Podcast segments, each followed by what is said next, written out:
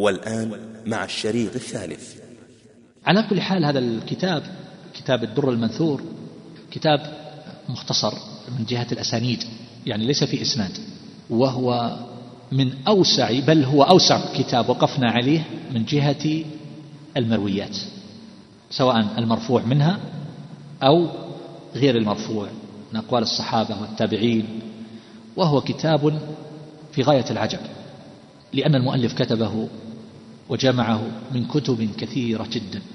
جمع من كتب التفسير المختلفة المتنوعة التي وصل إلينا بعضها ولم يصل إلينا كثير منها.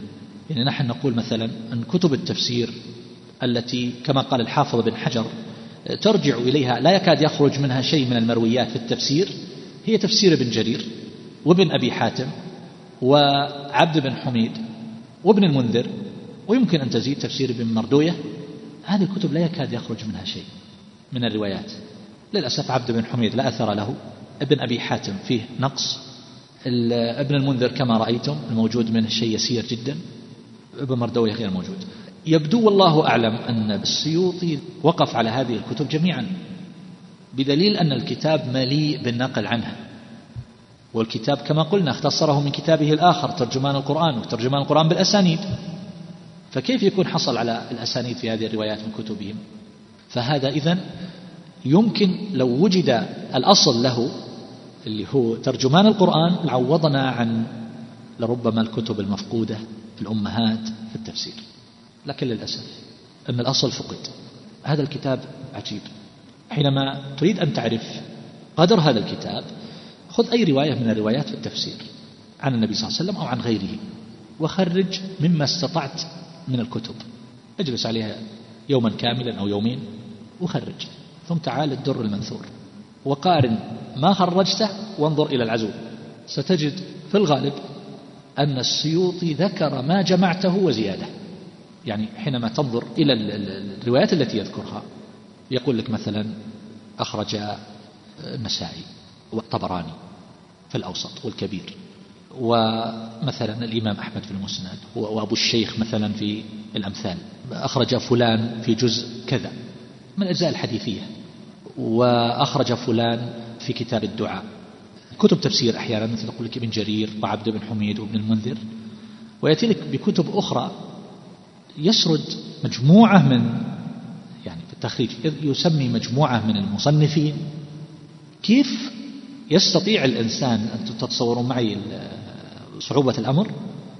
يعني أنت حينما تقرأ في كتب في المعاجم أو المسانيد أو تقرأ في كتاب في جزء من أجزاء الحديثية في قضية من القضايا أو في حينما تقرأ في هذه الكتب هل تستحضر كل جزئية في آية في كل آيات القرآن أنك ستحتاج إلى هذه الرواية في المكان الفلاني؟ هل يستطيع أحد أن يستحضر هذا؟ يعني أنا أستطيع أني أجمع الروايات من كتب التفسير. أبسط كتب التفسير أمامي وأقول أخرج أرتبها حسب التاريخ أخرج فلان وفلان وفلان وفلان من كتب التفسير. لكن حينما أقرأ في مسند الإمام أحمد أو أقرأ في كتاب الدعاء مثلا للطبراني أو أقرأ مثلا في كتاب تعظيم قدر الصلاة أو كتاب السنة لابن أبي زمنين مثلا أو السنة للالكائي ينقل عن هؤلاء. وحينما أقرأ في كتاب السنن للترمذي مثلا أو تأتي في هذه الجزئية ويذكر هذه الروايات كلها يقول أخرج فلان وفلان وفلان في كتاب كذا وفلان في كتاب كذا وفلان. من الذي يستطيع أن يفعل هذا؟ هذا أمر لا يستطيعه فريق كبير من الباحثين لأنه يحتاج إلى استحضاره ويقرأ. أن تقرأ وتفوتك هذه الروايات أنك لن تحتاج إليها. وهل سترجع إلى هذه الكتب جميعا؟ تبحث في كل مرة تجرد هذه الكتب كلها علشان تطلع رواية تناسب في هذا المقام؟ أبدا ما حد يستطيع. هذا يجردها عند كل جزئية يجرد هذه الكتب جميعا. ولا الحواسيب حاسب الآلي ما يستطيع. وجربنا هذا وتتبعنا في الحاسب شهورا متطاولة. نقارن أحسن الموسوعات بالكتب. وجدنا نقصا كثيرا بالتتبع فتح الكتب والمقارنة. فهذا الكتاب عجب. مع أن مؤلفات السيوطي بالمئات لا أكثر من ثلاثمائة مؤلف. فلو وجد أصله لكان فيه خير كثير ونفع. وعلى كل حال كتب التفسير بالمأثور كثيرة كثيرة كثيرة. هناك من جمع مثلا المرويات في التفسير بالمأثور من الكتب الستة مثلا. هناك من حاول أن يجمع المرويات الصحيحة في التفسير بالمأثور مثل ما فعل الدكتور حكمة بشير في الصحيح المسبور من التفسير بالمأثور. طبع في نحو أربعة مجلدات ولم يستوعب كل الصحيح مع طول المدة التي بقي يدرس فيها الروايات. كان يحرص على أن يذكر الروايات الصحيحة من المرفوع وحتى الموقوف. جلس سنين طويلة ومع فريق من الباحثين وخرج في أربع مجلدات وكان بالإمكان والله أعلم أن يكون أكثر من هذا يعني الروايات الصحيحة. وقد قابلت الشيخ أخيرا بعد ما خرج الكتاب طبعا. فسألته عن هذه القضية. الروايات الصحيحة أكثر من هذا. فقال نعم فاتنا أشياء ولعلنا نستدرك ذلك فيما بعد. على كل حال العمل ليس بالسهل. لا شك أنه عمل يحتاج جهد كبير وتتبع الروايات روايات كثيرة. انتهينا بهذا من الكلام على ما أردت ذكره ولم أستوعب طبعا الكلام على كتب التفسير بالمأثور لكن ما ذكرته فيه فائدة. إن شاء الله لا يخلو من فائدة والاستيعاب أمر صعب. أما بعد فسلام الله عليكم ورحمته وبركاته.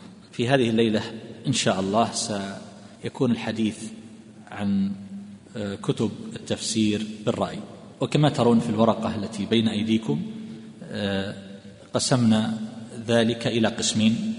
قلنا هناك رأي يمكن أن يقال عنه بأنه رأي صحيح أو مقبول أو آه، محمود وهناك رأي آخر مردود أو مذموم أو مطرح. هذا التقسيم الذي ترونه من حيث الكتب التي أدخلتها تحت الرأي المذموم لا تجدونه في كتاب فيما أعلم. للأسف لأن الذين يكتبون ينقل بعضهم عن بعض. فأوائل الذين كتبوا في مناهج المفسرين في هذا العصر يذكرون كتب الأشاعرة على أنها كتب أهل السنة والجماعة. فإذا ذكروا الرأي المحمود ذكروا كتب الأشاعرة.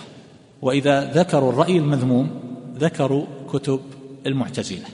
فجاء من أبناء أهل السنة من كتب في هذه القضايا في مناهج المفسرين وجعل ينقل عنهم فنقل الكلام كما ذكروه. وهكذا كثير ممن يدرسون هذه القضايا في الجامعات وفي غيرها يرددون هذا الكلام. فنحن لابد أن نضبط هذه المسألة ضبطا يتضح به المراد. حينما نقول هذا تفسير بالرأي ما المقصود به؟ قلنا بالاجتهاد ولا يكون هذا التفسير بالنقل كالذي ينقل مثلا عن الصحابة والتابعين ونحو هذا هذا تفسير بالمأثور. إذا كان المفسر يستنبط ويجتهد ويفسر القرآن بحسب المعطيات التي عنده فإن هذا يكون من قبيل التفسير بالرأي. ومسألة التفسير بالرأي فيها كلام كثير وخلاصة ما يقال في ذلك إنما ورد من الذم ذم تفسير القرآن بالرأي فالمقصود به الرأي المذموم الرأي الذي لا يكون بعلم الذي يقول في القرآن بمجرد رأيه بالتخرص أو الهوى أو من غير أن ينطلق من قواعد صحيحة في العلم فإن هذا لا شك أنه مذموم وهذا يقع فيه كثير من العامة أحيانا يعني تطرح مسألة أحيانا يسأل إنسان عن آية ويأتي بعض العامة ويسرع في الجواب ويذكر المعنى وإذا سئل من أين لك هذا؟ قد يصيب وقد يخطئ. يقول عندي حدس مثلا كلامي صح أو غير صحيح. لا يجوز له أن يتكلم بهذا. يعني حتى لو أصاب فهو مخطئ وهو مذموم لأنه تكلم فيما لا علم له به. ومن توقف من السلف عن تفسير بعض النصوص برأيه أو نحو ذلك فهذا محمول على التورع أنه تورع من ذلك أو أنه لم يتضح له المعنى. وأما هذا التفسير من حيث إنه سائغ وجائز لمن كانت عنده الأهلية فهذا لا إشكال فيه. وأبو بكر قال في مسألة الفرائض المعروفة أقول فيها برأيي. ولذلك اختلف الصحابة رضي الله عنهم في كثير من المواضع في تفسير الآيات. التابعون اختلفوا. لماذا اختلفوا؟ لو كانوا تلقوا ذلك عن رسول الله صلى الله عليه وسلم لما اختلفوا. وإنما قالوا باجتهاداتهم فوقع الاختلاف بينهم. وهذه مسألة يطول الكلام فيها لكن هذا خلاصته. فما ورد من الذم فهو محمول على الرأي الفاسد الذي بالجهل والتخرص. فمن كان عنده قاعدة صحيحة في العلم ومتطلبات التفسير فانطلق من هذا يفسر القرآن باجتهاده ويستنبط فهذا لا إشكال فيه. هذا فيما يتعلق بالتفسير بالاجتهاد والنظر والرأي. وهكذا حينما تستقرأ النصوص الواردة عن السلف كما ذكرت من ذمه أو الإقرار بمثل هذا النوع من التفسير تخرج بنتيجة أن هناك أن من الرأي ما هو مذموم ومن الرأي ما هو محمود. لابد أن نجعل ضابطا يضبط المسألة. ما تقولون الآن لو أن المفسر تكلم في مسألة من مسائل الفقه أو معنى من المعاني. معنى آية. وأخطأ فيه قطعا. نحن نعتقد أنه أخطأ قطعا ما هو احتمالا. هل يعد هذا التفسير تفسيره عموما الكتاب من التفسير بالرأي المذموم؟ أو لا يعد من التفسير بالرأي المذموم؟ ما تقولون؟ مذموم. مسألة واحدة. أخطأ في مسألة فقهية. هل يعد من التفسير بالرأي المذموم؟ لا. طيب لو أخطأ بمسألتين أخطأ. هل يعد من الرأي من التفسير بالرأي المذموم؟ طيب لو أخطأ بعشر هل يعد من التفسير بالرأي المذموم؟ الجواب لا. لو أخطأ بمئة لا يعد من التفسير بالرأي المذموم. إذا ما هو الضابط؟ هل الضابط يكون بعدد معين؟ طيب هذه مسألة فقهية. طيب لو أخطأ في معنى من المعاني في معنيين في عشرة معاني في مئة معنى كتاب تفسير يبلغ مجلدات أخطأ في عشرين موضعا. هل يكون تفسيره من قبيل التفسير بالرأي المذموم؟ الجواب لا. طيب ما هو الضابط؟ لو أن هذا المفسر أخطأ في مسألة واحدة من مسائل العقيدة في هذا الكتاب ما تقولون فيه؟ هل هو من قبيل التفسير بالرأي المذموم؟ اجتهد وأخطأ الجواب لا. أخطأ في مسألتين. لا أخطأ في عشر. لا. طيب إلى أي حد؟ هذه المسائل حينما نتكلم لابد أن نضبط الكلام. وأن يتكلم الإنسان بعلم وعدل. فإذا وضعنا ضابطا واتفقنا عليه بعد ذلك ننظر في الكتب هل هي من قبيل التفسير بالرأي المحمود أو الرأي المذموم؟ ما هو الضابط؟ أعطيكم بعض العبارات بعض الجمل من كلام شيخ الإسلام ابن تيمية رحمه الله وانظروا فيها إذا كان ذلك يصلح ضابطا. يقول شيخ الإسلام رحمه الله في الجملة من عدل عن مذاهب الصحابة والتابعين وتفسيرهم إلى ما يخالف ذلك كان مخطئا في ذلك بل مبتدعا. لاحظ ما قال من أخطأ؟ قال من عدل. عن تفسير الصحابة والتابعين عدل عنه. كان بل مبتدعا. وإن كان مجتهدا مغفورا له خطأه. يعني معناها أن الرجل اتخذ منهجا آخر في النظر والاستنباط والفهم. فعدل عن مذاهب الصحابة والتابعين رضي الله عنهم. قد يكون مجتهدا في فعله هذا. وهذا غاية ما بلغه. بذل وسعه وكذا. فالله عز وجل يغفر له خطأه. بذل وسعه. هذا قصار الجهد عنده. لكن هذا التفسير الذي بين أيدينا لم يكن على نفس السلف الصالح رضي الله عنهم. يكون من جملة التفاسير البدعية. يقول ونحن نعلم أن القرآن قرأه الصحابة والتابعون وتابعوهم وأنهم كانوا أعلم بتفسيره ومعانيه كما أنهم أعلم بالحق الذي بعث الله به رسوله صلى الله عليه وسلم. فمن خالف قولهم وفسر القرآن بخلاف تفسيرهم فقد أخطأ في الدليل والمدلول جميعا. الدليل بمعنى أنه جعل الآية دالة على ما لم تكن دليلا عليه. وأخطأ في المدلول إذا كان استدل بها على معنى باطل في نفسه. يعني مثلا هذا آه، رجل يقول بأن الله تبارك وتعالى يشبه خلقه مثلا في صفاته مثل طوائف المشبهة. أراد أن يستدل على هذا بقوله تعالى وهو السميع البصير. أثبت السمع والبصر وقال هذان الوصفان من أعلق الأوصاف بالمخلوق. الآن هذا أخطأ بإيش؟ في الدليل استدل به على التشبيه. وأخطأ في المدلول وهو المعنى الذي توصل إليه وهو التشبيه. أخطأ في الدليل وفي المدلول. لو أن هذا الإنسان من الصوفية وأراد أن يستدل على رقص الصوفية الصوفية بعضهم يرقص في الحضرة والمولد وال... فأراد أن يستدل على هذا بقوله تعالى أركض برجلك. هذا مغتسل بارد وشراب. أركض برجلك. قال يعني الرقص. الآن هذا الدليل هل يدل على الرقص؟ لا. هذا خطأ في إيش؟ في الدليل. المدلول هل هو حق ولا باطل؟ المعنى اللي أراد أن يصل إليه. باطل. الرقص باطل. فأخطأ في الدليل والمدلول. قد يخطئ في الدليل لكن المدلول صحيح لكن الآية ما تدل عليه. يعني مثلا لو أراد أن يستدل على تحريم الرقص بقوله ولا تمشي في الأرض مرحا. قال هذه تدل أن الذي يرقص يتبختر في مشيته. والله قال ولا تمشي في الأرض مرحا. استدل بها بعض الفقهاء على هذا. هل الآن المعنى الذي أراد أن يصل إليه حق ولا باطل؟ حق.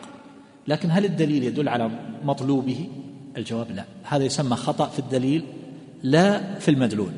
جيد. فشيخ الإسلام رحمه الله يقول فمن خالف قولهم وفسر القرآن بخلاف تفسيرهم فقد أخطأ في الدليل والمدلول جميعا. ومعلوم أن كل من خالف قولهم له شبهة يذكرها إما عقلية وإما سمعية. إما عقلية يعني عنده قواعد وعنده أشياء شبه يتشبث بها وإما سمعية يستدل بدليل من المنقول كما ذكرنا قبل قليل. كما هو مبسوط في موضعه. ويقول أيضا له كلام آخر يشبه هذا. تلاحظون كتبت عندكم في الهامش قال ابن تيمية من إلى آخره. هذا جزء من الكلام الذي ذكرته آنفا. هل نستطيع أن نقعد من هذا قاعدة؟ تضبط لنا التفسير المذموم؟ متى يكون نحكم على التفسير بأنه من التفسير بالرأي المذموم أو المحمود؟ يمكن والله أعلم. نقول كل من التزم أصلا بدعيا يحاكم إليه النصوص فتفسيره من قبيل التفسير بالرأي المذموم ليجعل قاعدة محدثة قاعدة منحرفة يحاكم إليها النصوص يعني يريد أن يجري النصوص على هذه القاعدة. فتفسيره من قبيل التفسير بالرأي المذموم. قاعدة نقول نعم قاعدة. مثلا في باب الأسماء والصفات من قواعد الجهمية بطوائفهم وعلى اختلاف درجاتهم في التجهم جهمية المحضة المعتزلة الأشاعرة. الآن هؤلاء عندهم قواعد. ماذا يقولون؟ يقولون كل نص أوهم التشبيه أول أو فوض ورم يعني أطلب تنزيها يعني إما أن تؤوله تحرف يسمونه تأويل أو فوض هو لا يدل على هذا المعنى الذي توهمناه ولكن الله أعلم بالمراد. على اختلاف طوائف المفوضة. الآن نصوص الصفات. استوى على العرش. الآن عندهم قاعدة. كل نص أوهم التشبيه عندهم. يقولون استوى هذا يوهم تشبيه بالمخلوق. الاستواء يقولون استوى بشر على العراق من غير سيف ولا دم مهراق. يقولون كيف؟ فماذا يقولون؟ أول يعني قل استولى. لا تقل استوى. أو فوض قل هذا المعنى الذي متبادر من لفظة استوى على العرش غير مراد. ما هو المراد؟ هل هو استولى؟ أو أو معنى آخر لا نعلمه نفوض ما نخوض ما نحدد المعنى. لكن قطعا يقولون غير الظاهر المتبادر. عجيب. نحن عرفنا القواعد. ابن جرير كيف كان يجري الكلام على ظاهره وهذه طريقة السلف إلا لدليل. ما عندهم دليل. هذا في الصفات هذا مثال واحد. مع أننا نستطيع نرد عليهم بسهولة نقول أنتم تقولون استولى فالمخلوق يستولي. بل بالعكس إنما يكون الاستيلاء لمن كان عادما للشيء وكان فيه مغالبة أيضا له. فغلب واستحوذ عليه. فكيف شبهتم الله بالمخلوقين؟ كيف شبهتم استواء الله على العرش باستيلاء بشر بن مروان على العراق؟ وإذا فوضوا نقول لهم أنتم جعلتم أعظم ما في القرآن وهو ما تعرف الله به إلى عباده من أسمائه وصفاته جعلتموه لا يدرك معناه ولا يراد به ظاهره فجعلتموه من قبيل الاحاج والألغاز وقلتم الظاهر المتبادر غير مراد. فأي جرم وعدوان وجراءة على الله عز وجل وعلى كتابه أعظم من هذا. ورد عليهم يطول. يطول. المهم هذا في باب الصفات. في باب الوعد والوعيد. من قواعد الخوارج والمعتزلة أن فاعل الكبيرة مخلد في النار. إلا أنهم يختلفون في باب الأسماء والأحكام فالخوارج يقولون كافر والمعتزلة يقولون فاسق في منزلة بين المنزلتين بين الإيمان والكفر. لكنه مخلد في النار فيتفقون على النتيجة خلود في النار.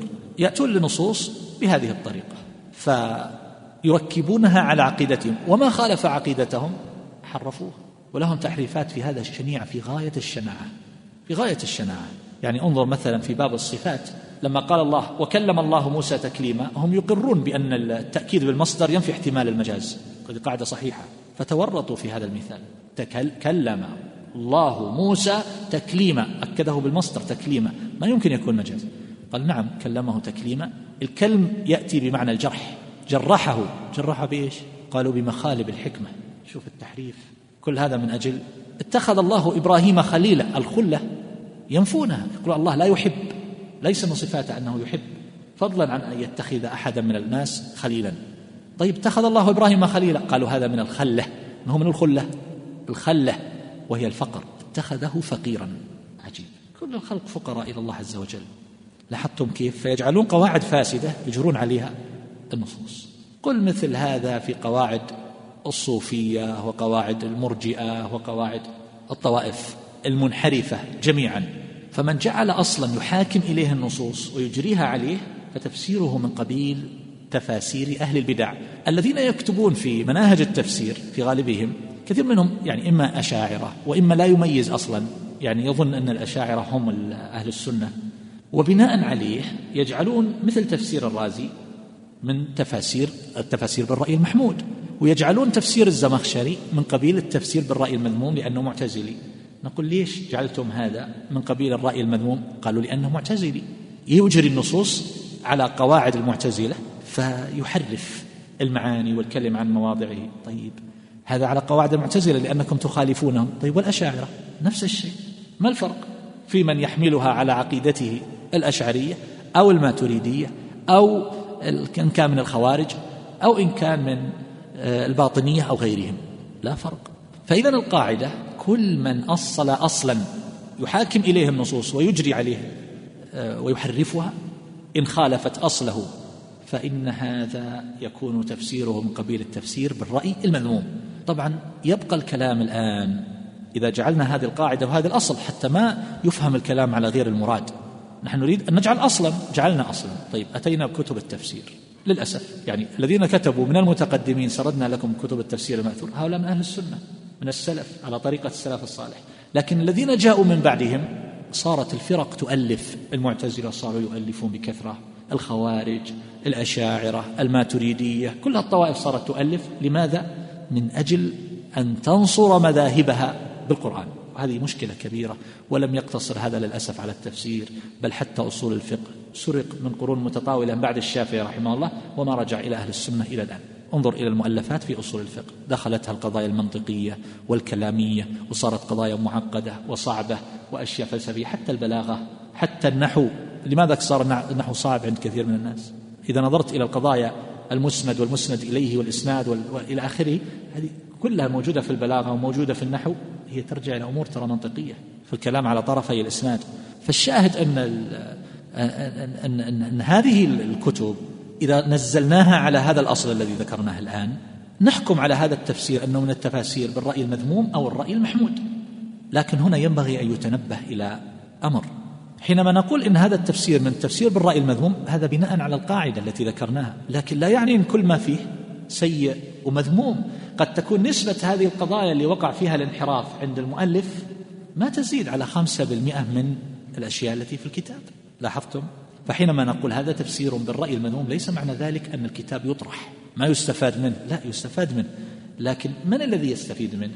من كان يميز في هذه القضايا طلاب العلم أهل الاختصاص لا إشكال. أما العامة فنوصيهم بالكتب النقية كتب أهل السنة التي ليس فيها انحرافات من هذا القبيل. فإذا كون التفسير من قبيل تفاسير أهل البدع أو التفسير بالرأي المذموم لا يعني أن كل ما فيه مذموم. لا قد تكون النسبة أربعة بالمئة خمسة بالمئة لكن بناء على الأصل الذي ذكرناه الآن. واضح؟ بخلاف ما لو أخطأ في مئة مسألة من مسائل من المعاني والتفسير أو العقائد أو نحو هذا لكنه ما جعل أصل يؤصله يحاكم النصوص إليه لكن أخطأ كل إنسان يخطئ فهذا ما نجعله من قبيل التفسير بالرأي المذموم. عرفتم الفرق؟ وسيأتي تطبيق على هذا وأمثلة. الخطأ في مثال أو مثالين أو عشرة شيء وبين واحد يجعل قاعدة بدعية منحرفة يحاكم إليها نصوص الكتاب والسنة. فهذا هو الأمر السيء. نبدأ بكتب التفسير. كما ترون في هذه الورقة التي أعطيناكم ستجدون كتبا ذكرتها. ليس لأنها من قبيل التفسير بالرأي المذموم ذكرتها متابعة لبعض الكتب الأخرى. تجدها متسلسلة بعدها بسهم. أقصد من هذا قضية سأصل إليها أن هذه الكتب فقط تسلسلت من هذه الكتب وإن جردت من الانحراف. يعني أنا أريد أن أربط لك بين بعض الكتب حتى تعرف ما هي الكتب اللي يمكن تستغني عنها. ما هي الكتب التي نقول إنها يمكن تكون آه، منقولة تقريبا أو كثير منها منقول ينقل عن بعض؟ فذكرت بعض الكتب هنا بسهم بعد بعض الكتب لا لأنها من قبيل التفسير بالرأي المذموم لا لا لكن لأنها استفادت وأخذت كثيرا من مادتها من هذا الكتاب. فهذا متسلسل من هذا وهذا متسلسل من هذا فقط. ولذلك مثل هذه الورقة ما تعطونها لغيركم إنما أنتم فقط لأنكم سمعتم هذا الشرح. والكلام. لكن لا نظر إليها الإنسان لأول وهلة قال كيف هذه الكتب تكون من قبيل التفسير بالرأي المذموم نحن لم نقصد هذا. إطلاقا. واضح الفرق. هذا ذكرته هنا لأننا في مجلس تعليم. لكن ينظر إليها إنسان ليس عنده خلفية سيستغرب من هذا. نبدأ بجملة من الكتب الآن. من هذه الكتب كتاب تفسير الكشاف عن حقائق التنزيل للزمخشري وهو أبو القاسم محمود بن عمر بن محمد بن عمر الخوارزمي الحنفي ولد في رجب سنة 467 توفي في سنة 538 فرغ من تأليفه في سنتين وأربعة أشهر. الذين تكلموا عن كتاب الزمخشري اللي هو الكشاف موجود ومطبوع في أربع مجلدات آه، ذكروا أنه يعني ذكر أشياء يعني أمور فواقر وأمور جرأة عظيمة جدا آه، في التفسير على السلف الصالح وعلى التحريف وعلى لكن كثيرا مما يذكرونه غير موجود في الكتاب. أين هو إذن السبب أن الزمخشري حينما كان جاء إلى مكة في الطريق كان إذا نزل في مكان يطلبون منه أن يفسر. رجل صاحب بلاغة وصاحب بيان فيطلبون منه فكان يفسر لهم القرآن وكتب أشياء طلبوا منه أن يكتب فكتب. فكانت كتابته فجة في غاية الجرأة في إظهار عقيدته الاعتزالية وتحريف النصوص والطعن في سلف الأمة. فواجه إنكارا شديدا فقال لأضعن لهم تفسيرا لا يستخرجون منه. هذه الأمور يعني عقيدة المعتزلة يعني يدسها بطريقة في غاية الخفاء. يأتي يفسر. فمن زحزح عن النار وأدخل الجنة فقد فاز. يقول فقد حصل له الفوز المطلق المتناول لكل ما يفاز به ولا غاية للفوز وراء النجاة من سخط الله والعذاب الصمد ونيل رضوان الله والنعيم المخلد. وهو ماذا يقصد بها؟ يقصد نفي رؤية الله عز وجل أن المؤمنين لا يرونه. هذه عقيدة المعتزلة.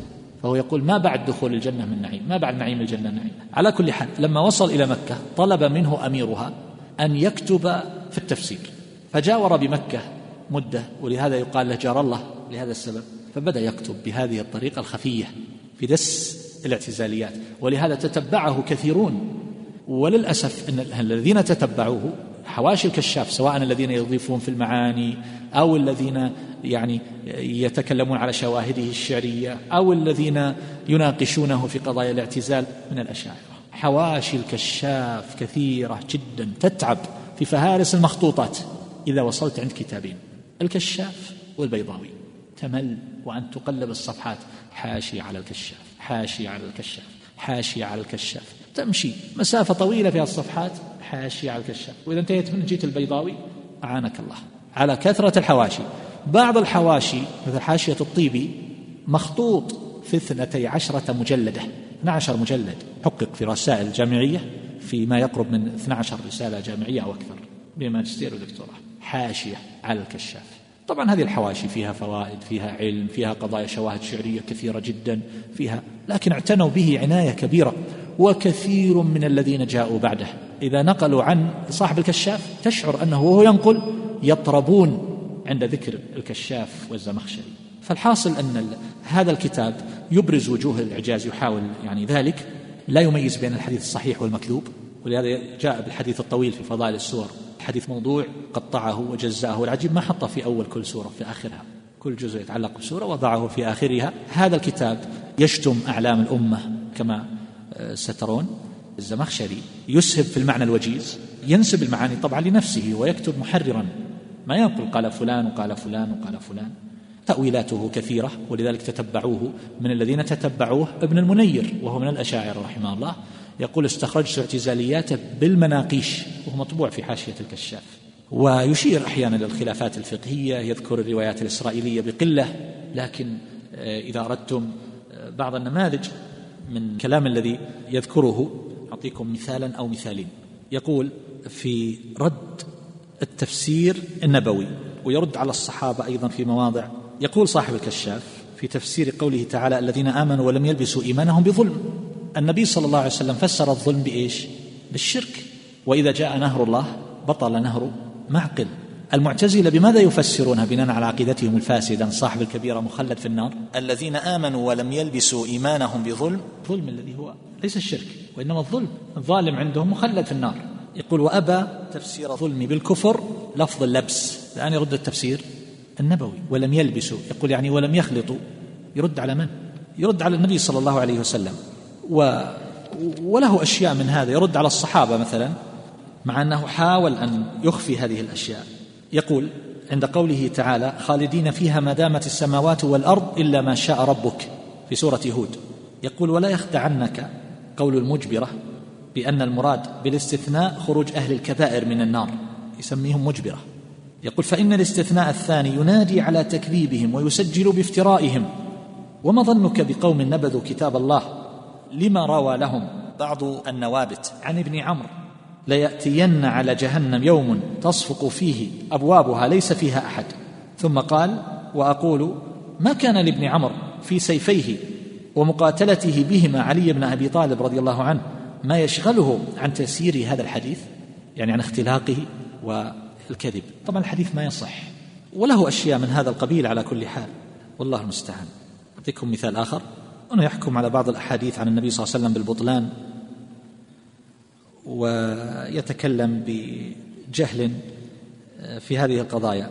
على كل حال الآن ننتقل إلى كتاب آخر اسمه أنوار التنزيل وأسرار التأويل وهو المعروف بتفسير البيضاوي لناصر الدين أبي سعيد عبد الله بن عمر الشيرازي البيضاوي المتوفى سنة 691 وقيل 685 هذا الكتاب يعد من الكتب المختصرة نسبيا. ليس شديد الاختصار جدا يعني ما هو مثل الجلالين وإنما هو أوسع ولهذا قد يعده من نظر إلى الجلالين يعده من الكتب المتوسطة.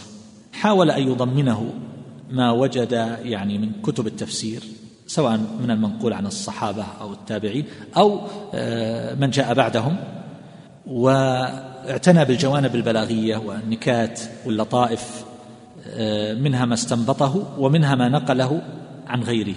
وكذلك يذكر وجوه القراءات المشهورة سواء كانت متواترة أو غير متواترة.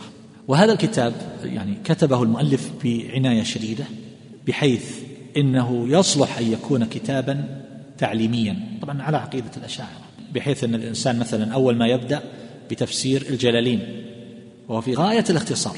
ثم بعد ذلك يدر بالعادة في المعاهد لا زال في خارج هذه البلاد يدرسون الجلالين ثم يدرسون الحاشية الصاوي على الجلالين وإذا توسعوا درسوا حاشية الجمل.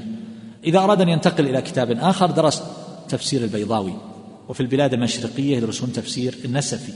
وكل هذه التفاسير تستفيد من كتاب الكشاف وتعنى بالجوانب البلاغية. فعلى كل حال هي كتب تعليمية.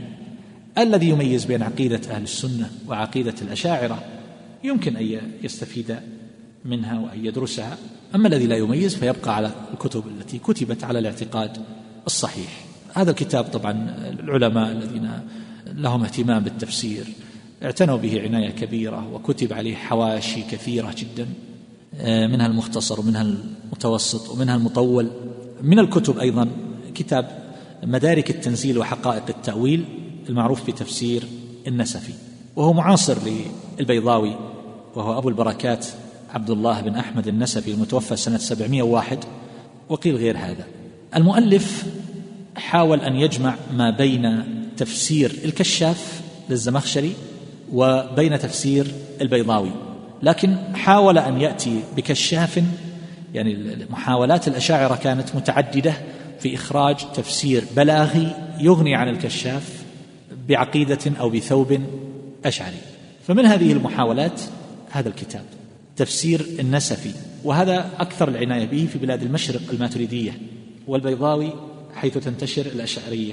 والأشعرية والماتريدية بينها تقارب شديد وإنما يختلفون في بعض التفاصيل في الاعتقاد. فعلى كل حال حاول أن يتخلص من اعتزاليات صاحب الكشاف والإسرائيليات والأحاديث الموضوعة اللي في الكشاف بل حاول أن يتخلص حتى من الأحاديث الضعيفة اللي في البيضاوي ولخص كثيرا مما في الكشاف وما في البيضاوي.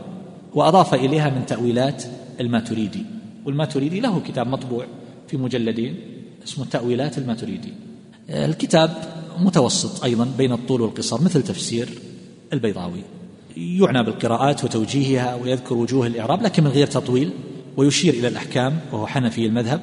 وزاد أيضا كثيرا من أقوال النحاة من غير توسع ويسند القراءات إلى أصحابها لكنه لا يذكر القراءات الشاذة كما فعل البيضاوي وإنما يقتصر على القراءات السبعية فقط قراءات السبع. طبعا لما تقارن بين تفسير البيضاوي وتفسير النسفي ستجد تشابها.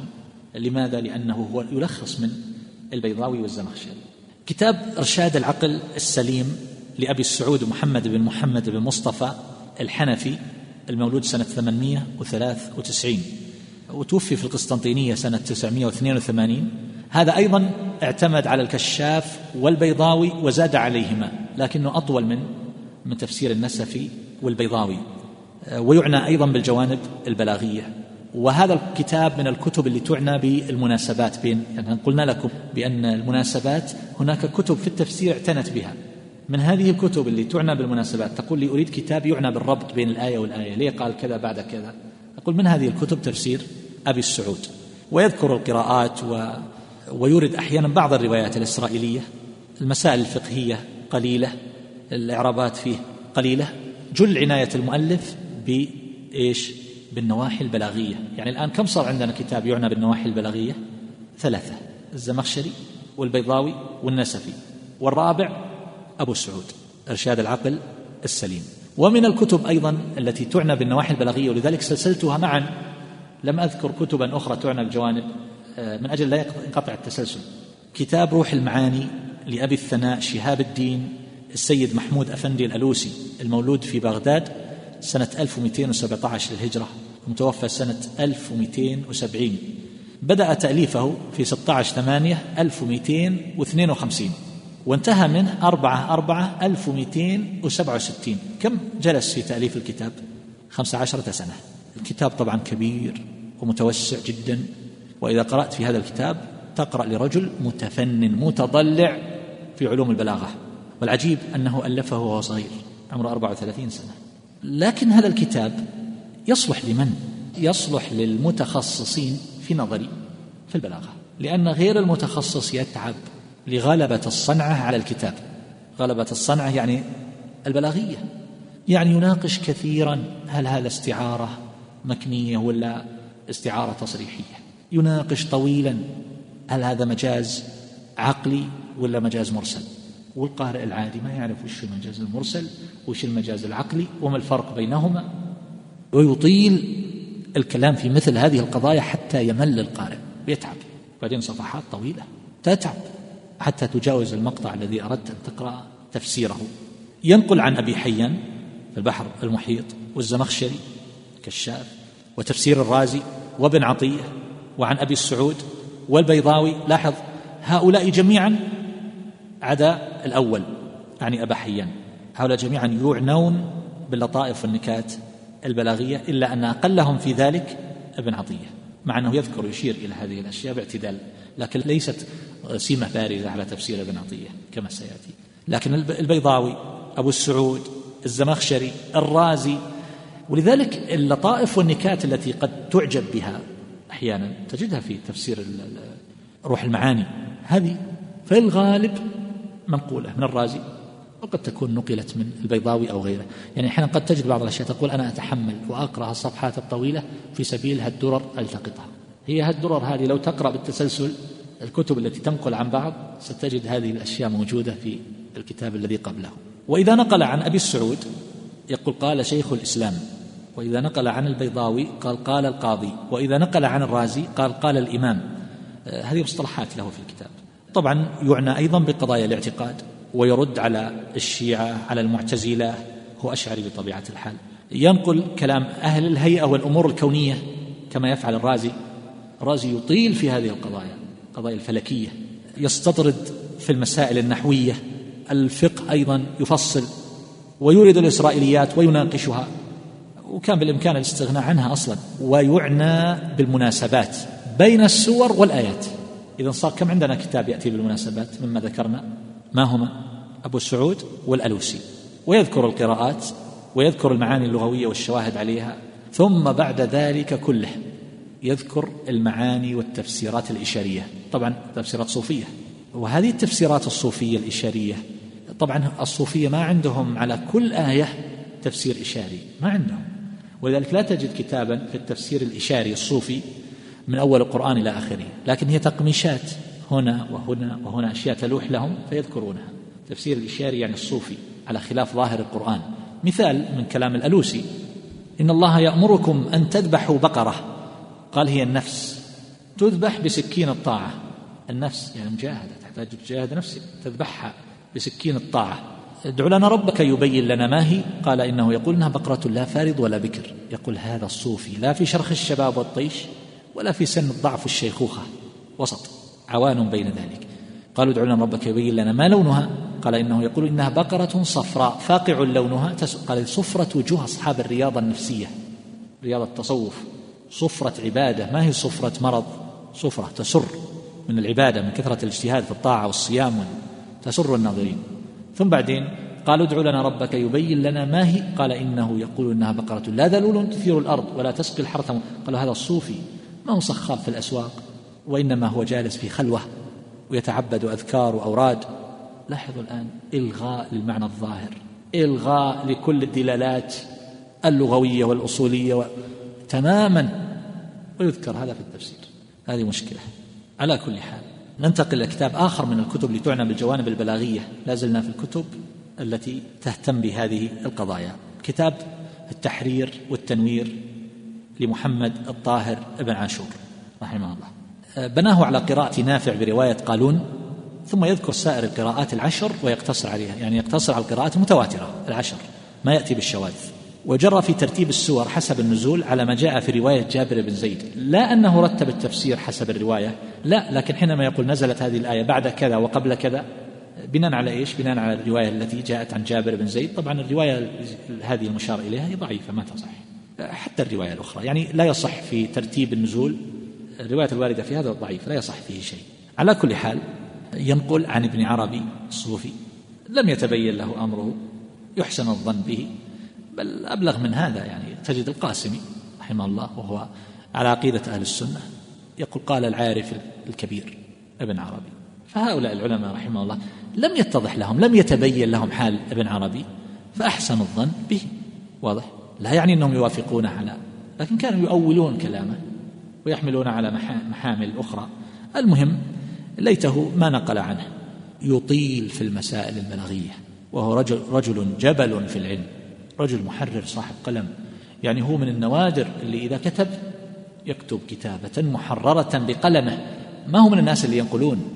إذا نقل ينقل جملة أو عبارة ليناقشها معدودة ويزن الحرف وهو يكتب مع أن الكتاب كبير كتاب ضخم وهذا الكتاب مليء بالعلم واللطائف والفوائد والتحريرات.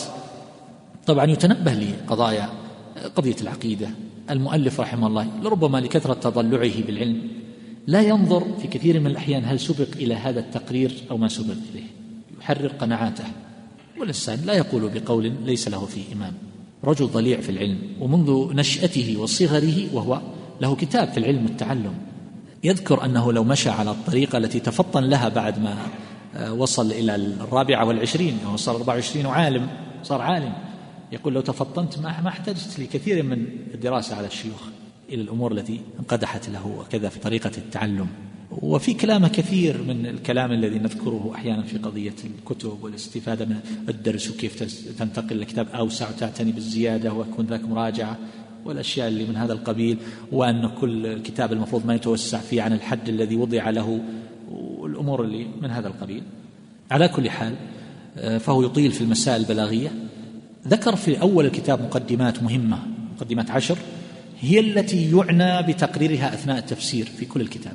يرى أن القرآن نزل لتحرير وتقرير هذه القضايا وتأصيلها. آه، استفاد من الكشاف وابن عطية والرازي والبيضاوي والألوسي وحاشية الطيبي على الكشاف والقزويني والتفتزاني على الكشاف وحاشية الخفاجي على البيضاوي وتفسير أبي السعود والقرطبي وابن عرفة وابن جرير. استفاد من هذه الكتب جميعا.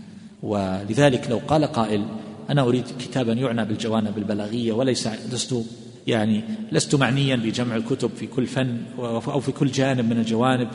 أنا أريد كتابا واحدا في أقول عليك بتفسير ابن عاشور. فالصيد في جوف الفرا وهذا الكلام أقوله من تجربة ومعرفة ومقارنة. طبعا يستنبط ليس ينقل من هذه الكتب يستنبط ويضيف ويناقش ويعنى ببيان وجوه الإعجاز. كاتب بلاغة أساليب الاستعمال المناسبات بين الآيات. ولا يعنى بالمناسبات بين السور. ومن فوائد هذا الكتاب ومزاياه أنه يبين أغراض السورة في أولها. وهذه قضية مهمة. احفظوا هذه. يعني أنت الآن تريد هذه السورة تتكلم عن ماذا؟ عن موضوع واحد ولا عن موضوعين ولا عن ثلاثة ولا عن عشرة؟ من هي الكتب اللي تبين هذه القضية من كتب التفسير؟ تفسير ابن عاشور. ويذكر يتكلم على بيان المعاني الغريبة المفردات نكات المعاني. تجد في هذا الكتاب لطائف ولفتات ودرر يعني تجد مثلا في قوله تعالى على سبيل المثال. يعني حتى أبين لك يقول في قوله تعالى مثلا وقضى ربك ألا تعبدوا إلا إياه وبالوالدين إحسانا. يقول لماذا بدأ بقضية الاعتقاد؟ يقول لأن إصلاح التفكير مقدم على إصلاح العمل فالناس أسرى لعقائدهم وأفكارهم كما هو معروف. فإذا أصلحت التفكير والاعتقاد استقام العمل فبدأ بقضية التوحيد. وقضى ربك ألا تعبدوا إلا إياه وبالوالدين إحسانا. لاحظت؟ بهذه الطريقة نفائس. الكتاب مليء مليء من هذه يعني حينما تجرب تجرد كتب التفسير بالعشرات وتجلس تنقل منها ما تحتاج إليه من فوائد في درس أو تمر على كثير منها ما تكتب حرفا واحدا لأنها مكررات مع الكتب التي قبله. إذا وصلت عند ابن عاشور لا جرد القلم. ستجد علما جما وأشياء لا يمكن تتجاوزها. ولن تقول إن هذه الأشياء تحصيل حاصل بالنسبة لي. أنا عارفها. هذه واضحة من الآية. لا لا ما هي. في أشياء درر ونفائس. والكتاب العجيب يعني رحمه الله توفي وعنده حاشية على الكتاب. إضافات كثيرة. ما طبعت مع الكتاب للأسف. موجودة عند أحفاده وأولاده. يعني صار يضيف إليه بعد ذلك. على كل حال من الكتب كتاب مفاتيح الغيب لأبي عبد الله محمد بن عمر التميمي البكري الرازي المولود سنة 544 للهجرة توفى سنة 606 في الري. هذا يعني تفسير الرازي آه، من المعلوم المتفق عليه أنه مات قبل إتمامه لكن إلى أين وصل؟ هذه القضية. ومن الذي أكمله؟ هذه ليست محل اتفاق. ذهب الحافظ بن حجر إلى أن الذي أكمله هو أحمد بن محمد بن أبي الحزم مكي نجم الدين القامولي المتوفى سنة 727 للهجرة وهو مصري كما في الدرر الكامنة. وفي كشف الظنون ذكر ما سبق كما ذكر تكملة أخرى للقاضي شمس الدين ابن خليل الخوي الدمشقي المتوفى سنة 637 للهجرة. في كتاب كشف الظنون ذكر أن الرازي وصل إلى سورة الأنبياء وأن التكملة لمن بعده. في هذا الكتاب تجد عند قوله تعالى مثلا جزاء بما كانوا يعملون يقول المسألة الأولى وهي أصولية ذكرها الإمام فخر الدين رحمه الله في مواضع كثيرة ونحن نذكر بعضها هذه في سورة وين؟ السجدة ولا لا؟ يقول ذكرها في مواضع كثيرة ونحن نذكر بعضها هذا يدل على أن هذا الموضع ليس للرازي تجد في الكلام على الآية السادسة من سورة المائدة إذا قمتم إلى الصلاة فاغسلوا وجوهكم. يستشهد بقوله وما أمروا إلا ليعبدوا الله في سورة البينة. يقول وقد حققنا الكلام في هذا الدليل في تفسير قوله وما أمروا. هذا كلام من؟ الرازي. لاحظ النساء ويقول حققناه في المائدة. إلا إذا كان يقصد ما سيكون سيحققه في سورة المائدة. ما بعد كتبه. ولكن هذا في بعد. وهل كان يعني كان يكتب في مواضع من الكتاب بحيث إنه ما كان يكتب كتابة متسلسلة. هذا الذي توصل إليه الشيخ عبد الرحمن المعلمي اليماني رحمه الله. الشيخ ابن مانع في قطر رحمة الله عليه كتب يسأل الشيخ عبد الرحمن المعلمي اليماني عن تفسير الرازي. هل كل الكلام للرازي ولا بعضه للرازي وبعضه لغيره؟ فالمعلمي رحمه الله عالم مهمته عالية فقرأ الكتاب من أوله إلى آخره. ثم بعد ذلك قراءة متأملة وبدأ يقارن في الأسلوب. فجاء جعل يحدد يقول من مقطع كذا إلى مقطع كذا ليس من كلام الرازي. من مقطع كذا إلى مقطع كذا ليس وقسمه إلى نحو خمسة أقسام في مواضع متفرقة. فالمعلم له رسالة مطبوعة في هذا مفيدة. وهذا بخلاف كلام المتقدمين يعني الذين قبله يقولون إلى سورة الأنبياء. لكن المعلمي جاء بأمثلة وأشياء فيها إشارات بعضها أن هذا من كلام الرازي. وبعد ذلك أن ليس من كلامه في ثنايا الكلام. فقد يكون الرازي كان يكتب في مواضع متفرقة ثم توفي مثل الصنعاني رحمه الله. كما سيأتي إن تكلمنا عن كتابه. الصنعاني ما هو عبد الرزاق؟ لا الأمير الصنعاني المتأخر. فإن كتابه بدأ فيه بالتفسير من أول ثم بعدين صار يكتب مقاطع متفرقة. وما اكتمل الكتاب؟ هو عبارة عن تفسير لبعض المواضع ليس على الترتيب. على كل حال الرازي يعنى بذكر. القضية التي ذكرناها آنفا هي في غاية الأهمية. من أي ناحية؟ أن الإنسان إذا وجد كلاما طبعا الكتاب فيه أشياء فيه في انحرافات كثيرة. إذا وجد كلاما قبل أن يستعجل وينسب هذا للرازي ينبغي أن يتأكد هذا من كلام الرازي ولا من كلام صاحب التكملة؟ حتى في النقولات العادية نقولات علمية أو نقولات من التفسير في المعنى. ما تستعجل تقول قال الرازي على الأقل قل وفي تفسير مفاتيح الغيب. كذا وكذا. لكن تحتاج أن تكون دقيق. ما تقول قال الرازي وهذا المقطع ليس من كلام الرازي. ولا تنسب للرجل كلام ليس له. فهذا خلاف العدل. على كل حال في هذا التفسير يعنى بذكر المناسبات. كم صار عندنا كتاب الآن يعنى بالمناسبات؟ أكثر من ثلاثة. آخر ما ذكرنا منها ابن عاشور. وهذا أجل خامس. يعنى بذكر المناسبات. فيها أشياء يعني يذكرها هي من الغرائب كما يقال. حتى قال عنه ابن خليكان في ترجمته في وفاة وفاة الأعيان. قال جمع فيه كل غريب وغريبة.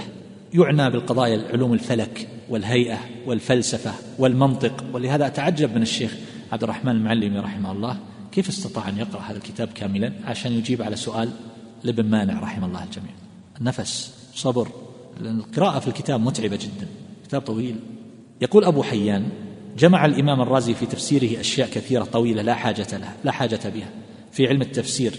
ولذلك قال بعض العلماء فيه كل شيء إلا التفسير. وهذا الكلام فيه مبالغة في أشياء من التفسير كثيرة وفيه فوائد ولطائف واستنباطات دقيقة وجميلة موجودة. لكن كيف تصل إليها مع هذا الكم الهائل من القضايا التي يذكرها؟ ويناقش دائما الفلاسفة والمعتزلة. يقول الحافظ ابن حجر في اللسان وكان يعاب بإيراد الشبهة الشديدة ويقصر في حلها. يجي الشبهة مخيوطة شبهة المخالفين والرد يكون ضعيفا هشا. يقول حتى قال بعض المغاربة يورد الشبهة نقدا ويحلها نسيئة. يقول الطوفي في الإكسير الطوفي له كتاب اسمه الإكسير في علوم التفسير مطبوع الكتاب. يقول طبعا أكثر كتاب الإكسير هو يعني في علوم القرآن لكن أكثر ما فيه قضايا لغوية وبلاغية. يقول ما رأيت في التفاسير أجمع لغالب علم التفسير من القرطبي ومن تفسير الإمام فخر الدين إلا أنه كثير العيوب فحدثني شرف الدين النصيبي عن شيخه سراج الدين السرمياحي المغربي أنه صنف كتاب المأخذ في مجلدين بين فيهما ما في تفسير الفخر من الزيف والبهرج يعني دخل الأشياء لا يقر عليها. وكان ينقم عليه كثيرا ويقول يورد شبه المخالفين في المذهب والدين على غاية ما يكون في التحقيق ثم يورد مذهب أهل السنة والحق على غاية ما يكون على غاية من الوهاء. قال الطوفي ولعمري إن هذا دأبه في كتبه الكلامية والحكمة. يعني الحكمة يعني إيش؟ يعني كتبه في الفلسفة. حتى اتهمه بعض الناس إلى أن قال وقد صرح في مقدمة نهاية العقول أنه مقرر مذهب خصمه تقريرا لو أراد خصمه تقريره لم يقدر على الزيادة على ذلك. هذا من كتاب اللسان للحافظ ابن حجر. طبعا هذا اعتذر به شيخ الإسلام ابن تيمية رحمه الله عن الرازي وهذا من إنصاف شيخ الإسلام. الذين اتهموا الرازي وقالوا إنه قصد الدس في الدين بهذه الطريقة يورد شبه المخالفين قوية والرد يكون ضعيفا من أجل خلخلة قناعة القارئ بالدين أو رد عليهم شيخ الإسلام. قال إنه لشدة حرصه على إنصاف المخالف يستنفذ كل الجهد بحيث لا يبقي للمخالف أدنى شيء يمكن أن يستدل به إلا وذكره فيكون قد أجهد. فإذا جاء الرد تكون قوة قد استنفذت وتعب فيكتب كتابة ضعيفة. هذا اعتذار شيخ الإسلام عن الرازي. على كل حال يورد أيضا حتى المسائل الفقهية وهو على مذهب الشافعي. وكذلك مسائل أصول الفقه ومسائل النحو ويستطرد في ذلك وقضايا البلاغة ويبالغ في كثير من الأمور حتى إنه قال إنه يمكن أن يستنبط من سورة الفاتحة عشر آلاف مسألة ومن الاستعاذة عشر آلاف مسألة. وهذا الكلام مبالغة. ومثل هذه الأشياء بدأ يذكر بعض النماذج والتطبيقات على الاستعاذة أو البسملة. والواقع أنه يبني هذه الأمور على بعض بحيث يخرج عن الكلام على الآية. ويقال إنه مر ومعه كوكبة من أتباعه وتلامذته على امرأة عجوز. فقالت من هذا؟ قالوا هذا الذي يعرف على وجود الله ألف دليل. فقالت لو لم يكن في قلبه ألف شك لما عرف على وجود الله ألف دليل. تقصد أن وجود الله ما يحتاج إلى ألف دليل. وليس يصح في الأذهان شيء إذا احتاج النهار إلى دليل. لاحظتم؟ فالشاهد أن الرجل طبعا له كتب كثيرة منها كتب في السحر وله مخاطبة النجوم كتب يعني نسأل الله العافية لكن له وصية كتبها لأولاده يذكر فيها رجوعه عن العقائد الباطلة وعقيدة الحديث والسنة والقرآن وإثبات ذلك وكذا كلام جيد للغاية في وصيته لأولاده. فلعل الرجل رجع وإن كان لم يكتب كتبا ينقض فيها هذا الكم الهائل اللي تركها من المؤلفات وفيها ما الله به عليم. على كل حال هذا تفسير الرازي ولا يقرأ فيه إلا من كان يميز بين الحق والباطل. من الكتب أيضا كتاب غرائب القرآن ورغائب الفرقان لنظام الدين الحسن بن محمد بن الحسين القمي النيسابوري المتوفى سنة 728 للهجرة. هذا في هذا الكتاب كتاب القمي النيسابوري مطبوع كبير أورد حاصل كلام الرازي. وزاد عليه من الكشاف وغيره وأورد القراءات المتواترة أو المعتبرة. طبعا هذا الكتاب وأنت تقرأ فيه تجد اللطائف والأشياء التي يعني هي من الرازي. أورد حاصل كلام الرازي وترك أشياء كثيرة مما ذكره الرازي لكن زاد عليه من الأمور الواضحة في الكتاب الزيادة التفسير الإشاري الصوفي. بعد ما يذكر التفسير المعروف يحط عنوان ما يؤخذ من إشارة الآية. ويأتي بتفسيرات الصوفية. من الكتب أيضا اللي استفادت من الرازي كتاب اللباب من علوم الكتاب لابن عادل الحنبلي وهو في القرن الثامن تقريبا الهجري. ذكر أنه جمعه من علوم القرآن وهو ينقل في الواقع من الزمخشري والرازي وقد لا يسميه. أحيانا يقول قال بعضهم وتارة دون عزو أصلا. يعني أحيانا تقرأ في هذا الكتاب كتاب طبع أخيرا لكن كان مخطوطة له نسخ خطية وبعضها واضح زي المطبوع. أحيانا تجد بعض اللطائف والأشياء الجميلة في الكتاب ولكن عند المقارنة بدون عزو تجد هذه عند المقارنة تجد هل اللطائف هذه مأخوذة من تفسير الرازي؟ يعني الأشياء التي تطمح إليها هي مأخوذة من الرازي. الرازي كما ذكرت لكم ضمنه بعض الأشياء جاهد ونقلها. فالكتاب يعني ليس بتلك القيمة العلمية المعتبرة. من الرازي من الكشاف من هذه الكتب. يمكن يعني على كل حال بقيت بقية. يكفي هذا وصلى الله على محمد وآله وصحبه. أما بعد فنواصل الحديث عن الكتب المتعلقة بالتفسير. فمن هذه الكتب؟ كتاب المحرر الوجيز لابن عطية المتوفى سنة 546 للهجرة. وهذا الكتاب اسم على مسمى فهو محرر وهو وجيز. إذا قرأت فيه فإنك لا تجد وصفا يصدق عليه أدق من هذا الوصف. محرر ووجيز. عبارة وجيزة ومحررة ليس فيه استطرادات ولا يطغى فيه جانب على جانب. يعني تجد بعض كتب التفسير تغلب عليه الصنعة التي يتخصص فيها المؤلف مثلا. إذا كان مثلا المؤلف من أهل العربية وجدت النحو مثلا والإعراب أو وجدت الجوانب البلاغية أو وجدت آه، الفقه مثلا إذا كان فقيها وهكذا. أما هذا الكتاب فإنه يشتمل على جوانب مختلفة مما يحتاج إليه الناظر في التفسير دون أن يطغى جانب على جانب. وقد قال عنه أبو حيان بأنه أجل من صنف في علم التفسير وأفضل من تعرض فيه للتنقيح والتحرير.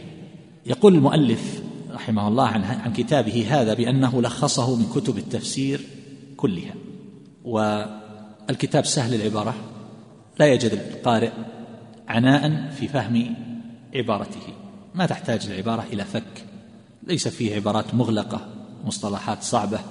آه، يورد الآثار أيضا مع أنه لا يعد من جملة التفسير بالمثور لكن يوجد فيه بعض تجد يستدل بالأحاديث بأقوال الصحابة يورد بعض أقوال التابعين وينقل عن ابن جرير كثيرا ولا ينقل فحسب بل ينقل ويناقش. فهو ليس بمجرد ناقل بل هو محرر وعالم في التفسير ضليع في العلوم المختلفة وكثيرا ما يستشهد بالعربية ويذكر ما يحتاج إليه. من قضايا اللغة وما ما يتوقف عليه المعنى فيما يتصل بالإعراب. تجد فيه إعرابات تجد فيه آه، كذلك القراءات المتواترة والشاذة يريدها ويوجهها. وأما القصص فلا يعنى بها وإنما يريد منها أشياء مما يحتاج إليه في فهم المعنى. وينقل عن أهل العلم على كل حال وينسب ما ينقله إلى قائله. يعني لا ينقل ويضيف ذلك إلى نفسه مثلا وإنما يعزو القول إلى قائله. وهذا مما يعرف اليوم بما عند كاتبين في مناهج البحث بالأمانة العلمية. وأبو حيان ذكر في المقارنة بين هذا الكتاب وبين تفسير الزمخشري بأن تفسير ابن عطية أنقل وأجمع وأخلص.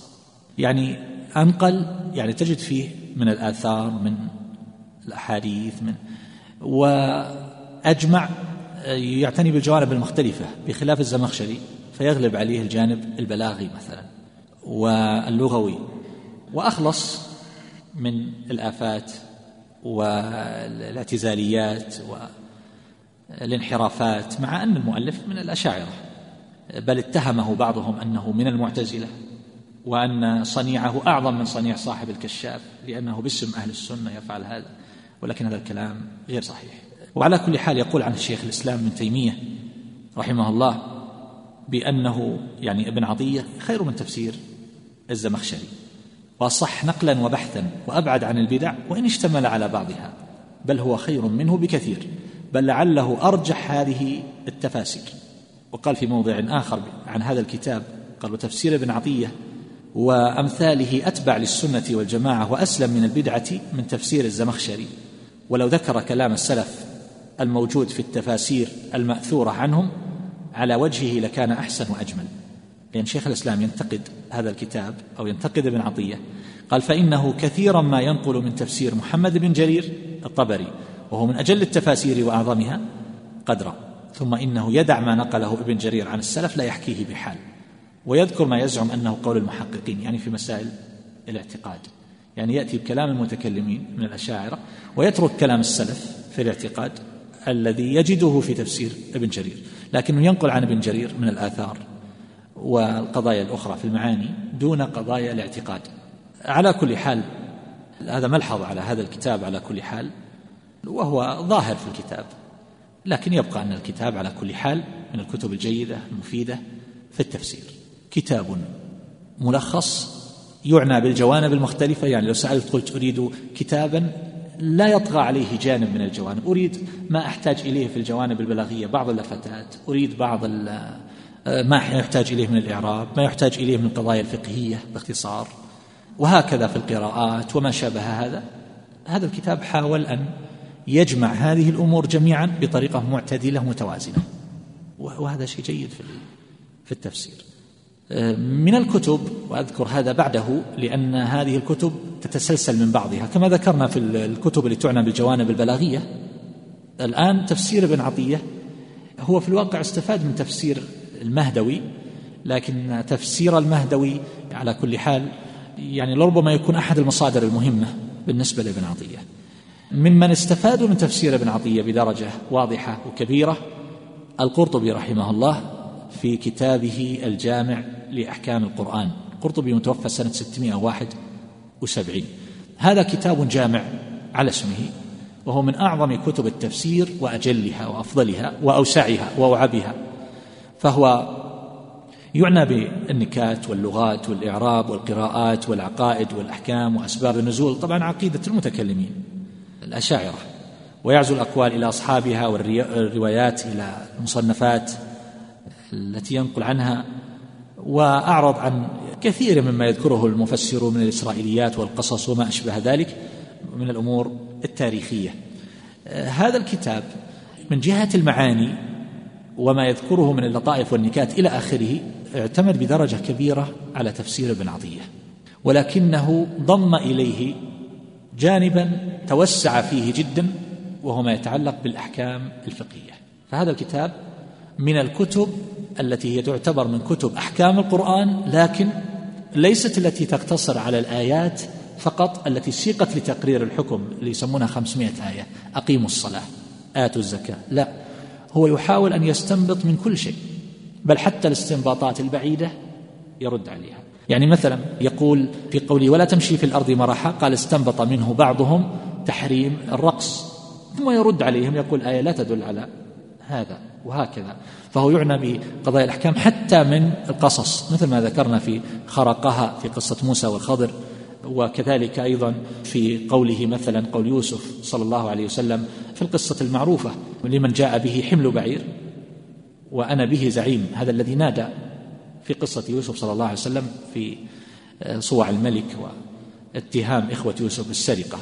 هذه مسألة الجعالة لمن جاء به حمل بعير. وأنا به زعيم. هذه مسألة إيش؟ لم يبلغ وكالة إيش؟ وأنا به زعيم. يعني أنا به كفيل ونحو ذلك. فالشاهد أن أن أنه يستنبط الأحكام من القصص من كل موضع يمكن أن يستنبط منه. إضافة إلى المعاني. والكتاب مليء بالعلم ومن الكتب النافعة المباركة. والمؤلف رحمه الله من المالكية إلا أنه أبعد ما يكون عن التعصب. رحمه الله رحمة واسعة. في غاية الإنصاف واتباع الدليل والحق فهو كتاب جليل القدر عظيم النفع لا يستغنى عنه بحال من الأحوال.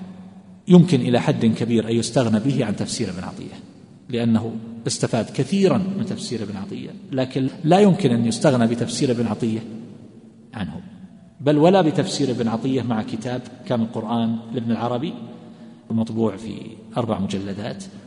اختص بآيات الأحكام. لو ضممت هذا إلى هذا لم يفي ذلك بتفسير لا سيما قضية الإنصاف واتباع الحق والدليل فالكتاب جيد لا يستغني عنه طالب العلم.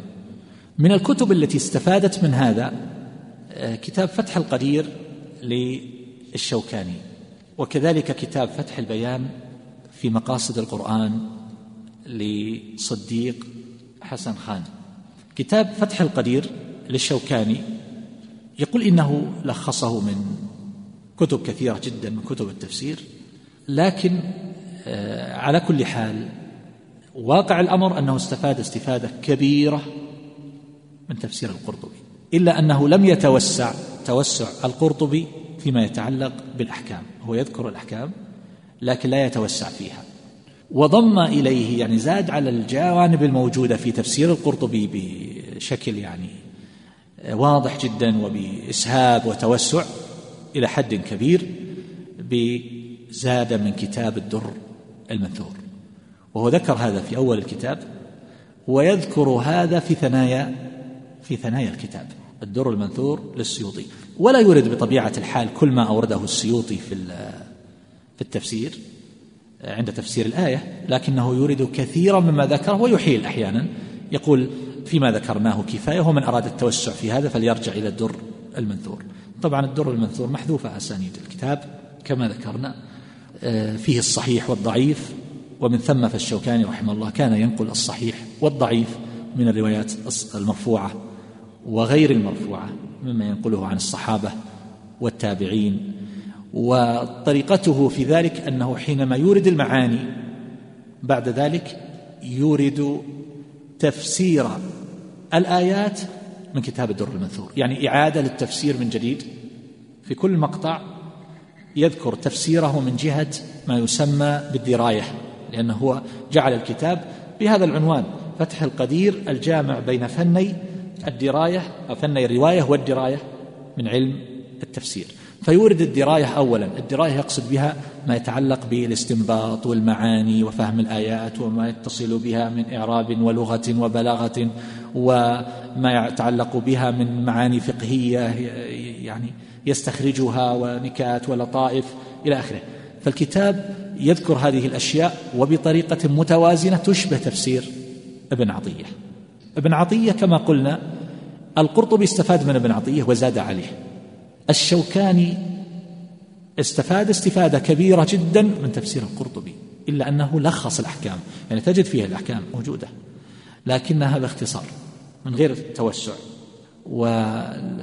وما يتعلق بالروايات لا يذكرها أثناء التفسير وإنما بعد ما يفرغ من تفسير المقطع ينتقل بعد ذلك إلى إيراد المرويات من أول آية شرع يفسرها في هذا المقطع. إلى آخر آية وهذه الطريقة متعبة للقارئ. لذلك جاء صديق حسن خان في كتابه فتح البيان في مقاصد القرآن وجاء بهذه الروايات التي يفردها الشوكاني بعد التفسير بالدراية فنثرها أثناء التفسير ووضعها في مواضعها فتقرأ بطريقة يعني لا تحتاج أن تعيد ولا كل رواية في موضعها لكنه لم يميز بطبيعة الحال ولم ينتقي فيما يتعلق بالصحيح وغير الصحيح. وعامة ما يذكره صديق حسن خان في فتح البيان هو كلام الشوكاني إلا أنه زاد عليه بعض النقولات من بعض كتب المتأخرين. ولذلك نستطيع أن نقول بكل يعني اطمئنان إلى أن كتاب فتح القدير للشوكاني يغني عن كتاب فتح البيان لصديق حسن خان. بل تجد العبارة كثيرا. يقول آه، رحمه الله آه، يقول الشوكاني يقول وقد حققت هذه المسألة في كتابنا السيل الجرار. أو يقول حققتها في كتاب آه، في شرح المنتقى منتقى الأخبار نيل الأوطار تجد في صديق حسن خان يقول وقد حققها العلامة الشوكاني في نيل الأوطار في السيل الجرار. فقط يغير بدل حققتها حققها مع بعض الزيادات القليلة. بل حتى المقدمة وما فيها من الكلام على الحسات وإلى آخره تجد تقريبا نفس الكلام. وعلى كل حال الكتاب هذا فتح البيان يمكن أن يستغنى عنه هو كتاب كبير. يعني يقع في بعض الطبعات في ثمان مجلدات وفي بعضها أكثر. فيمكن للإنسان أن يستغني عن هذا الكتاب خاصة غير المتخصص في التفسير الذي لا يريد أن يجمع الكتب. أم أو من ضاقت مكتبته فيغني بعض هذه الكتب. يعني لو قلت لي هذه الكتب المتسلسلة الآن ابن عطية القرطبي فتح القدير فتح البيان زبدة التفسير أخبرني عن كتاب واحد يغني عنها جميعا. أستطيع أن أقول لك كتاب القرطبي جمع ما في ابن عطية وزاد عليه الأحكام. أما الآثار الموجودة في فتح القدير وهي زيادة على ما يذكره القرطبي فهي موجودة في الدر المنثور. نقلها من الدر المنثور. لكن لو قلت أريد كتابا يعالج الجوانب المختلفة من غير إطالة. القرطبي يطيل. أقول لك فتح القدير. فتح القدير قد تقول أنا غير متفرغ للبحث في كتب. ما عندي وقت. أريد أحضر درسا في التفسير. ما عندي وقت أراجع كتبا تعنى بالجوانب الإعرابية الجوانب البلاغية الجوانب الفقهية الجوانب. أريد كتابا يعالج الجوانب المختلفة. ما هو هذا الكتاب؟ من كتب التفسير. أقول لك فتح القدير. فتح القدير. لكن هل فتح القدير يصلح للطلاب المبتدئين في طلب العلم؟ الجواب لا. سيتعبون في آه، تتبع الأقوال يحتاج المسألة. مع أنه ينبه يقول هذه الأقوال ترجع إلى قول واحد مثلا. أحيانا يحاول هذا وأحيانا يذكر بعض الأشياء قد لا يوافق عليها. وكل يؤخذ من قوله ويرد. ولهذا إذا أردت أن أن تقارن بين ترجيحات مثلا من ناحية القيمة العلمية ترجيحات الشوكاني أو ترجيحات ابن كثير أو ترجيحات ابن جرير أو ترجيحات ابن القيم أو ابن تيمية أو الشنقيطي في أضواء البيان أقول كل هذه الكتب أقوى في الترجيح من ترجيحات الشوكاني. كل هذه الكتب التي ذكرتها آنفا أقوى وأقعد من ترجيحات الشوكاني.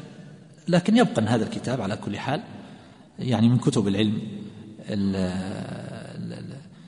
التي جمعت الجوانب المختلفة في التفسير.